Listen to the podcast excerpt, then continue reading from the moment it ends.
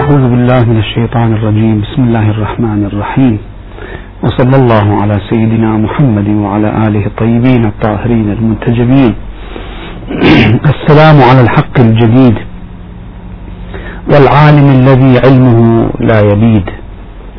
هذا المقطع من زيارة الإمام المهدي عليه السلام التي يزار بها عادة في سامراء في سرداب الغيبة. مقطع من تلك الزيارة. ما يهمنا الحديث عنه اليوم هو هذا هذه العبارة والعالم الذي علمه لا يبيد. هذه صفة من أوصاف الإمام صلوات الله وسلامه عليه أنه عالم علمه لا يبيد. هذا الحديث حديثنا آه، نريد أن ننتهي منه إلى هذه النتيجة. نقدم النتيجة أولا ثم ندخل في التفصيل. النتيجة المطلوبة من هذا الحديث هو أن الحياة لا تنبني إلا على العلم الصحيح العلم الكامل العلم الذي لا شائبة فيه. ومثل هذا العلم لا يوجد إلا عند الإمام المهدي عليه السلام الذي هو العالم الذي علمه لا يبيد. ولذلك فإن الحياة وتكامل الحياة ومسير الحياة بشكل كامل وصحيح مرتبط ب آه، هذه العقيدة بعقيدتنا بالإمام المهدي عليه السلام وبالارتباط بهذا الرجل. كحجة من الله تبارك وتعالى على خلقه. هذه هي النتيجة التي نريد أن نصل إليها من خلال هذا الحديث الآتي. نقول أولا أن الحياة سواء كان الحياة الطبيعية التي آه، تعبر عنها الحركة التكوينية للأشياء حركة المخلوقات الدورة الطبيعية للمخلوقات أم كانت الحياة المعنوية والحياة الروحية للإنسان؟ كل هذه الحياة لا تنبني على وهم ولا تنبني على الخيالات بل تنبني على العلم وعلى الواقع وعلى الحقيقة. فلا بد أن يكون هناك علم حتى تنبني الحقيقة على ذلك العلم وتنبني الحياة الصحيحة على ذلك العلم. وقد أثر عن أمير المؤمنين عليه السلام هذه هذه الرواية الجميلة أنه بالعلم تكون الحياة وهذا بشكل واضح آه، تطبيق عندنا جدا واضح أن آه، ما كان من أوهام لا ينبني عليها شيء. وكل البحوث التي أجراها العلماء منذ بداية انفتاح الإنسان على العلم والتجارب وإلى يومنا هذا كلها تؤدي هذه النتيجة أن النتائج الصحيحة تنبني على معلومات صحيحة وأن النتائج المطلوبة إنما تنبني على مقدمات صحيحة. وأما ما كان وهما فلا ينتج إلا وهما ولا ينتج إلا خطأ ولا ينتج إلا انحرافا. ولذلك فالحياة هذه بكل تفاصيلها التفاصيل المادية للحياة التفاصيل الطبيعية والفيزيائية للحياة التفاصيل الروحية لحياة الإنسان الارتباط الأخلاقي للإنسان بالإنسان للإنسان بربه. كل هذا مبني على الحقيقة ومبني على العلم بالحقيقة. لا أنه مبني على الخيال أو مبني على الأوهام. وما ينبني على الأوهام بلا شك لا يؤدي إلى نتيجة. هذه حقيقة متفق عليها. الحقيقة الثانية أن سعادة البشر مرهونة بمقدار علم البشر. هذه مسألة أيضا يبدو أن أنه يعني هناك اتفاق عليها حتى من قبل العلماء الطبيعيين أيضا. أنه بمقدار ما يتسع آه، للإنسان. آه، أو تتسع مدارك الإنسان العلمية آه، بمقدار ما تزداد قدرته على التعامل والتعاطي مع القوانين المحيطة به والمخلوقات المحيطة به. الإنسان يريد أن يسلط قدراته على ويبسط قدراته على كل هذا الكون ويسخر كل ما فيه لخدمته ولخدمة أجياله ونسله. وبالنتيجة لخدمة سعادته وتكامله. وهذا لا إشكال فيه بل هو هو المخطط من قبل الله تبارك وتعالى هو هذا أنه خلق الكون كله لسعادة الإنسان. في هذا السبيل في سبيل تسخير الكون وتسخير ما حول الإنسان من أمور ومن ظواهر ومن قوانين لا بد الإنسان اكتشف هذه الحقيقة أنه بد له من أن يزيد في معلوماته. كلما ازداد علما كلما ازداد قدرة كلما ازداد مداركا كلما تعرف على قوانين الكون كلما استطاع أن يسخر هذه القوانين لخدمته وخدمة أبناء جنسه. فإذا هناك علاقة آه، طردية بين العلم والقدرة. كلما ازداد العلم كلما ازدادت القدرة. إذا كلما اقتربنا إلى اقتربنا إلى كمال القدرة. حينئذ سنسأل هذا السؤال. أن السعادة الإنسانية بلا شك مرهونة بالعلم كما قلنا.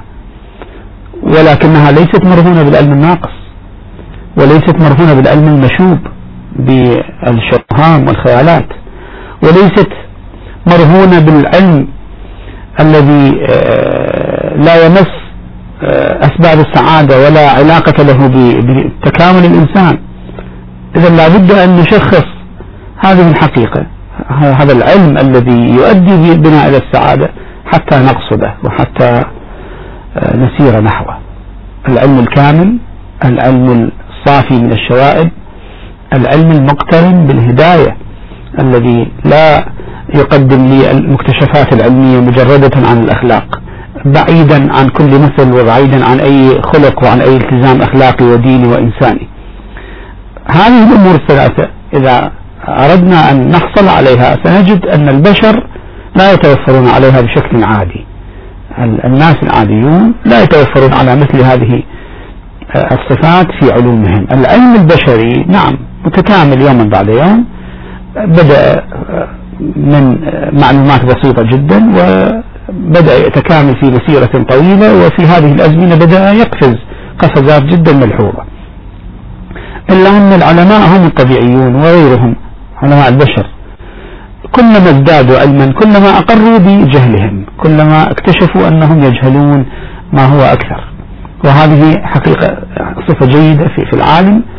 هذه صفة ممدوحة في العالم أنه كلما ازداد علما كلما اكتشف أنه يجهل أكثر مما يعلم. فإذا العلم البشري مهما تطور ومهما سار في طريق العلم والاكتشافات كلما اكتشف أكثر فأكثر أنه علمت شيئا وغابت عنك أشياء. أن ما خفي عنه من الصورة من صورة الكون والحقائق أكبر مما اتضح له. إذا ما الذي يحقق سعادة البشر مع هذا العلم الناقص؟ علم البشر علم ناقص الآن. علم مشوب بالأوهام والخيالات والمقدمات الباطلة. علم قد لا يتفق دائما مع المثل والأخلاق يفارقها كثيرا. آه إذن هو علم غير كفيل بإيصال البشر إلى السعادة. ما هو العلم إذن الذي يتكفل بإيصال هذا الخلق إلى سعادته وكماله؟ الله عز وجل كما خلق الخلق ضمن كمالهم وكما خلقنا ضمن سعادتنا أيضا وكما أنشأنا ضمن لنا طريق التكامل وطريق السعادة وطريق الوصول إلى عبوديته الحقة الله عز وجل لم يخلق الخلق ويتركهم سدى حاشا. إنما جعل لهم الطرائق والسبل إلى الوصول إلى غاياتهم وإلى كمالهم. فلا بد إذن أن يكون الله عز وجل الذي خلقنا وضمن لنا هذه الأسباب أسباب السعادة.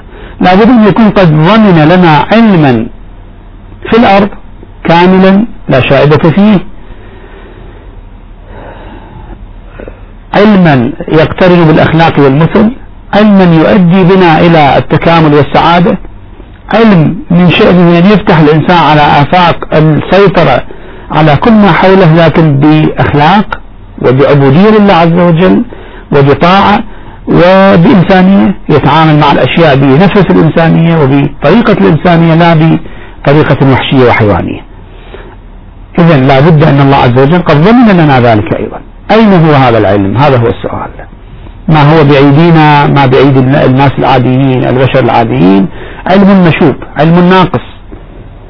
علم يفارق الأخلاق والمثل. أين هو هذا العلم الذي نتحدث عنه والذي نرى أنه هو الضمانة لسعادة البشر؟ أين هو ذلك العلم الكامل الذي لا نقص فيه؟ وأين ذلك العلم الصافي من كل شائبة؟ وأين هو ذلك العلم الذي يقترن دائما مع أغراض الإنسانية وأغراض الله تبارك وتعالى في الخلق وأهداف الخلق الذي يضمن التكامل والمسير إلى الله تبارك وتعالى. نقول أن هذا النوع من العلم لا يتوفر عليه إلا المعصوم. هذا ما نعتقد به نحن وطبعا إثبات ذلك في بشكل عقائدي وكلامي موكول إلى محله. لكن نقول نحن نعتقد بأن هناك شخص معصوم حجة من الله تبارك وتعالى في كل زمان أودعه الله تبارك وتعالى هذا العلم. بل نعتقد وكل المسلمين يعتقدون أن الله عز وجل كما خلق الخلق أنزل إليهم العلم اللازم لسعادتهم في القرآن الكريم. الله عز وجل يقول في كتابه ونزلنا عليك الكتاب تبيانا لكل شيء. وهذه الآية مطلقة. تشمل العلوم الطبيعية والعلوم الإنسانية وكل علم من شأنه أن يربط وينظم العلاقة بين الإنسان وربه وبين الإنسان وأخيه الإنسان وبين الإنسان والأشياء الطبيعية الأخرى. كل ما يحتاجه الإنسان في تنظيم حياته في الوصول إلى السعادة في الوصول إلى التكامل موجود في هذا الكتاب الكريم. ونزلنا عليك الكتاب تبيانا لكل شيء. وهدى ورحمة وبشرى للمسلمين. فإذا الله عز وجل لم يقصر في هذا الجانب. كما خلقنا أنزل إلينا علما كاملا لا شائبة فيه لا نقص فيه تبيان لكل شيء كل شيء بلا أن يفوته شيء من الأشياء الصغيرة والكبيرة.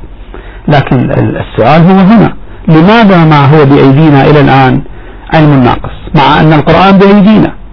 القرآن الكريم هو بين أيدي المسلمين جميعا وفي متناول البشر بشكل عام وتراجمه موجودة في بلغات عديدة. يستطيع من أراد أن يقرأ القرآن ويقرأ تفسيره يستطيع أن يحصل على نسخة منه بأي لغة. مع هذا نجد أن العلم الذي آه، هو بأيدي البشر الآن علم ناقص بأعتراف البشر نفسه. لماذا يكون بين أيدي البشر؟ مثل القرآن الكريم ومع ذلك يكون العلم الذي بين أيديه ناقص. مع أن القرآن الكريم فيه تبيان لكل شيء كما يصرح هو نفس القرآن.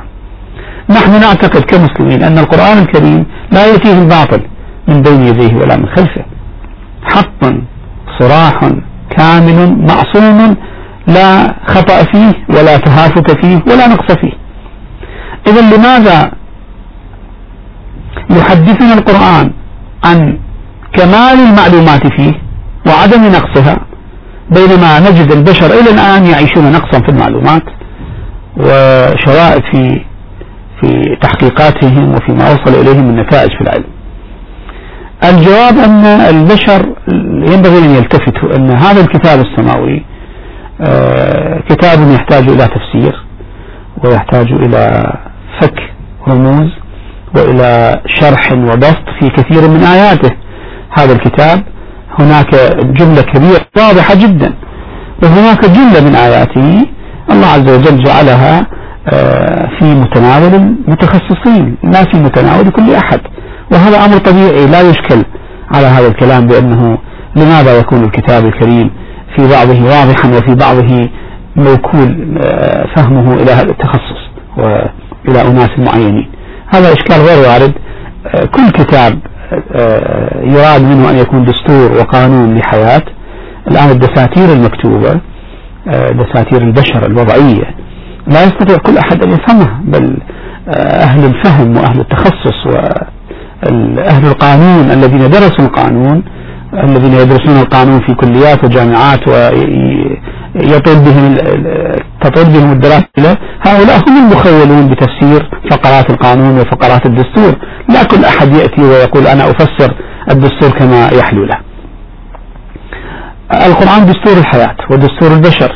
ولا بد أن يكون الله عز وجل قد جعل في هذا الدستور ما يفهمه أهل أهل الفهم وأهل العلم وخاصته من الخلق. جعل من خلقه خاصة وحججا على بريته وجعلهم مخولين بتفسير هذا الكتاب الكريم. هذا هو الجواب. جواب السؤال السابق لماذا مع أن القرآن الكريم بين أيدينا وفيه تبيان لكل شيء؟ لماذا مع ذلك تبقى معلومات البشر ناقصة؟ الجواب أن البشر لم يرجعوا إلى حجة الله في الاستفادة من هذا القرآن الكريم المتمم لوجود القرآن والمتمم للاستفادة مو لوجوده للاستفادة منه بالأحرى المتمم للاستفادة من من معالم القرآن وعلوم القرآن هو وجود المفسر الصحيح المخير من الله تبارك وتعالى في تفسير القرآن وهو الحجة وهو الإمام في كل زمان. الذي هو باعتقادنا اليوم هو الإمام المهدي صلوات الله وسلامه عليه. إذا نحن لا نستطيع أن نصل إلى تلك الغاية وهو الحصول على علم كامل يضمن لنا سعادتنا الروحية والمعنوية والمادية يضمن لنا أن تخرج لنا الأرض كنوزها ونأكل من فوق أرجلنا ومن من تحت أرجلنا وفوق رؤوسنا. لا نستطيع ضمان هذه النتيجة إلا بالارتباط بالقرآن الكريم والارتباط بمفسر القرآن الكريم المخول من الله تبارك وتعالى في تفسيره. وهو الحجة وهو الإمام المعصوم في كل زمان. إذا هذا العلم الكامل عند من؟ الجواب أصبح واضحا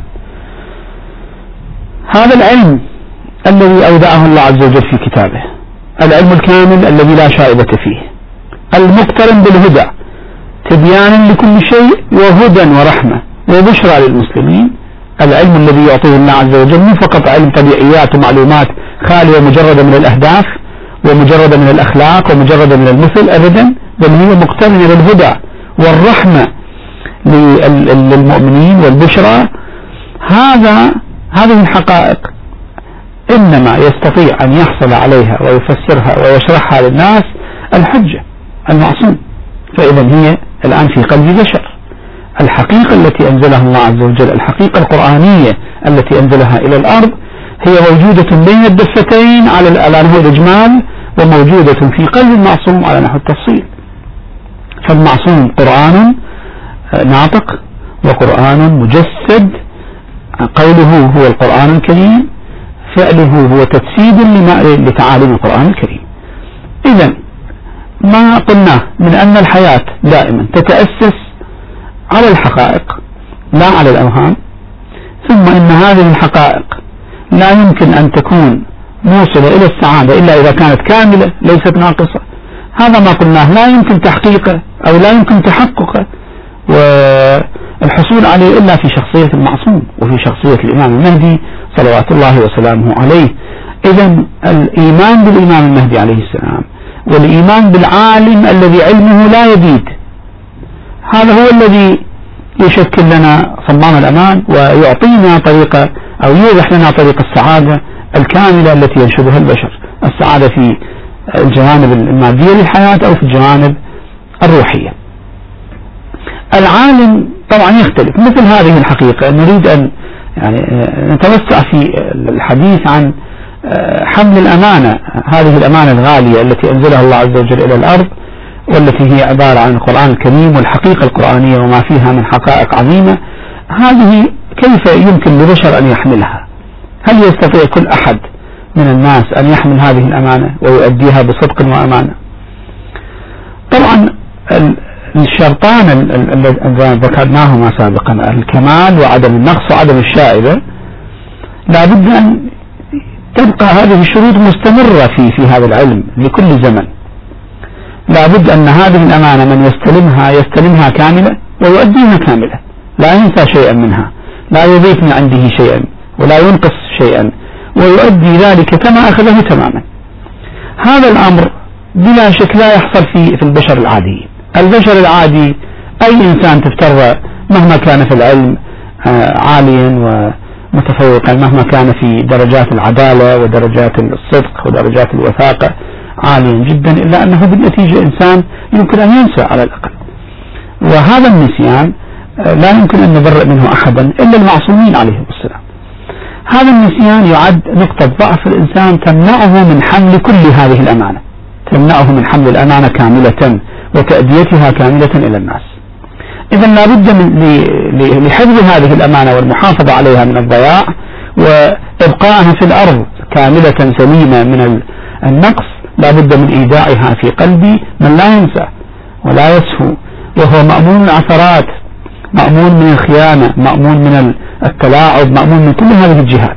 وإلا لكانت هذه الأمانة لو كانت قد أعطيت بيد الناس العاديين منذ البداية وبقيت المسألة مرتبطة بالناس العاديين هذا يسهو عن شيء اليوم والآخر يسهو عن شيء آخر في اليوم التالي والجيل الآخر يسهو عن جملة أمور أخرى حتى يصلنا نحن الجيل الموجود الآن بعد أجيال بعد عشرات الأجيال عن صدر الإسلام ستجد أن الذي يصلنا من الإسلام شيء مشوه وناقص جدا بسبب الجنب لا نقول أن هناك قصدا في التحريف بغض النظر عن المحرفين الذين يقصدون التحريف بغض النظر عن الكذابين والمعتدين على حقائق الإسلام بغض النظر عن ذلك لو فرضنا أن كل المسلمين حريصون كانوا حريصين جدا على أن يحفظ الإسلام ويدلي به إلى الأجيال الأخرى.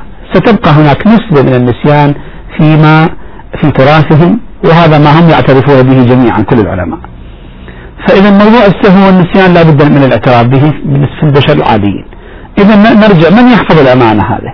ومن يضمن سلامتها كاملة حتى نضمن سلامة الأطروحة الإسلامية في الأرض وأنها هي الأطروحة الصالحة لسعادة البشر دائما. لا بد من الافتراض لا بد من الافتراض شخص معصوم من الخطأ والنسيان والأغراض الأخرى هذا هو الذي يحفظ الأمانة في قلبه وهو الذي يحفظها للأجيال وهو الذي يكون حجة لله تبارك وتعالى على الناس يحتج بهم عليهم يحتج بهذا على الناس أنه هناك حجة عليكم يحمل كل هذا العلم ويحمل كل هذا التفسير ويستطيع أن يفسر لكم ما خفي عنكم من القرآن الكريم. إذا تتكامل الصورة هنا بهذا الشكل. أننا نحتاج في سعادتنا وفي سعادة البشر. أولا إلى العلم والحقائق لا إلى الأوهام. ثانيا إلى العلم الكامل لما ثالثا إلى العلم الذي لا شائبة فيه ولا أوهام فيه. ثم إن من يستطيع أن يحقق هذه الشروط في علمه هو شخص واحد هو المعصوم الذي عين من الله تبارك وتعالى حافظا للإسلام وحافظا للقرآن وقيما على تفسير القرآن. وبالنتيجة إذن ما نحتاجه هو فقط بيد الإمام المهدي عليه السلام. ما تحتاجه البشرية من سعادة وما تنشده البشرية من سعادة وما يختلف فيه الناس الآن بين مشرق ومغرب ومن يقول بقانون ومن ينقض ذلك القانون ومن يعترف بقضية ومن ينكر تلك القضية. هذا الخلاف كله كله إذا كان في سبيل الوصول إلى الأفضل والأمثل فأن الجميع بالنتيجة يتجه إلى هذا الهدف وهو ماذا؟ هو هدف السعادة الذي لا يمكن أن يوجد إلا عند العالم الذي علمه لا يبيد. وطبعا يبيد معناها يعني ينفذ علمه ينفذ. العالم الذي علمه لا يبيد هذه صفة من صفات المعصوم. الرواية عنهم صلوات الله عليهم تقول أن أن أننا لولا أننا نزداد لنفذ ما عندنا. وهذا يعني أن علمهم عليهم السلام ليس علما محدودا بمعلومات معينة إنما هو علم متجدد. علم متجدد الله عز وجل يفيض على قلوبهم ويلهم قلوبهم آه، المعلومات بشكل مستمر مما جعل مصدر العلم عندهم مفتوحا ولذلك نصف هذه الإمام بهذه الصفة. العالم الذي علمه لا يبيد لا ينفذ لا ينتهي لأن الحياة مستمرة والمعطيات فيها مستجدة دائما. فلو لم يكن الإمام مستجدا أيضا في معلوماته بعبارتنا في هذه الأيام لو لم تكن معلومات الإمام محدثة دائما لولا وجود تحديث في معلومات الإمام ولولا وجود قناة مفتوحة دائما بينه وبين الغيب تعطيه الحديث من الأمور والجديد من الأمور والأحكام لجمد وضع الإمام ولنفذ ما عند الإمام. فالإمام عالم علمه لا يبيد لا ينفذ. إذا ما نحتاجه من سعادة وما نحتاجه من علم وما نحتاجه من حقائق تضمن سعادة البشرية في الواقع هو بيد الإمام المعصوم عليه السلام. هذه العقيدة الواقع تجعلنا نفكر بهذه الطريقة أنه كيف إذا نستفيد من هذا الوجود المقدس؟ كيف نرجع إلى هذا العلم الذي لا ينفذ ولا يبيد كيف نصل إلى هذه السعادة؟ طبعا البشرية ظلمت نفسها بكيفية التعامل مع الأئمة الأطهار عليهم السلام. هذا الوجود المبارك للإمام للأئمة عليهم السلام. كان وجودا ظاهرا آه، يصل إليه الناس بشكل مباشر إلا أن طريقة تعامل الأجيال مع الأئمة آه، وخصوص آه، طريقة تعامل الظالمين مع الأئمة الذين سيطروا على الأوضاع في بلاد الإسلام وحكموا المسلمين بالسيف والصوت وظلموا أئمة الهدى وحجزوهم في زوايا السجون والمظلمة وفي بيوتهم وفرضوا عليهم إقامة جبرية وفرضوا على علومهم أيضا الحصار. هذا بالنتيجة نوع من الجهل كان من البشرية بشكل عام وإن كان مو الكل يتحمل مسؤوليته لكن بالنتيجة الوضع العام تعامل مع الأئمة بجهل مطبق لأن التعامل الصحيح مع الأئمة هو في في سعادة البشر. كما يقول آه، الشاعر دعب الخزاعي رحمة الله عليه ولو قلدوا الموصى إليه أمورهم لزمت بمأمون قد جعلوا خلافتهم وحياتهم آه، مرتبطة بشخص مأمون من العثرات. والبشر يريدون السعادة.